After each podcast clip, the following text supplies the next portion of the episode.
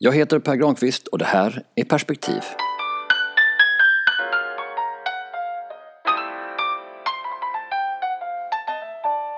Förslag till åtgärder för att få fler att börja röka. Låt oss anta att man från statligt håll önskar att fler svenskar rökte. Om vi ombetts komma med lite idéer för att vända de senaste årens negativa utveckling, ja, sett i tankeexperimentets perspektiv alltså, vad skulle vi då föreslå? Att återinföra röktillstånd på krogen skulle säkerligen vara det första förslaget. När förbudet kom minskar ju rökningen drastiskt. Att införa möjligheten att röka på fler arbetsplatser vore en annan åtgärd som skulle skicka en signal om att rökning är okej oavsett vilka fördomar som kan finnas mot rökare. Eller vad sägs om ett program för att få fler arbetsplatser att ta emot en rökare så att det finns minst en rökare på varje kontor? Då skulle man kunna argumentera för att rökaren för med sig ett bredare perspektiv och kunskap om vanor som den orökiga arbetsplatsen uppenbarligen saknat. Man borde också kunna säga att företaget kommer att ha lätt att förstå målgruppen rökare om de själva anställt någon som röker. Vid det här laget har vi insett att alla åtgärder för att få fler att börja röka hade vägt lätt i jämförelse med att sänka priset. Att ett högt pris på tobak minskar konsumtionen är ju välbelagt så om man skulle kunna få cigarettfabrikören att sänka priset så borde de kunna kompenseras genom ökade volymer. Det låter ju som en bra idé, eller i alla fall tills man inser att alla behöver lite marginaler. Cigarettfabrikörer är inte som fattiga människor som tar flera jobb för att kunna överleva. Nej, företag som inte har tillräckligt marginaler söker antingen statligt stöd eller lägger ner.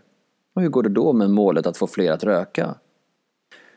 Och så skulle vi kanske slutligen inse det staten borde förstått från början. Om man bara sänker skatten på tobak så kan man få önskad effekt. Skatten utgör ju i runda slängar halva kostnaden för ett paket cigg. Om vi bara sänker den skatten så skulle fler börja röka. Punktskatter är nämligen en utmärkt metod för att minska användningen av en viss råvara i en marknadsekonomi.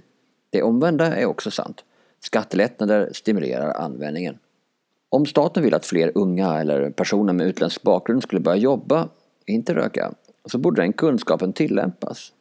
Det finns inget logiskt i att skatten på arbete är så hög som den är i Sverige om vi samtidigt säger oss vilja få fler i arbete, använda fler mänskliga resurser, göra det mer attraktivt för företag att anställa. För företag spelar det ingen roll hur det blivit billigare att anställa, bara att det blivit det.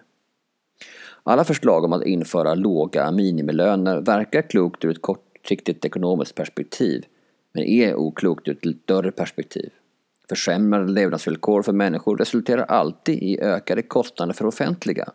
Sänkt skatt på lön har inte den effekten.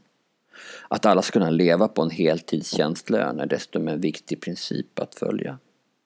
Dessutom, vill vi att Sverige ska bli en resurseffektiv kunskapsnation verkar det väl klokare att beskatta råvaror högt och arbete lågt än tvärtom. Vi kan väl prova i Skåne? Vi som har så många människor den sort som vi säger är vår viktigaste resurs för framtiden.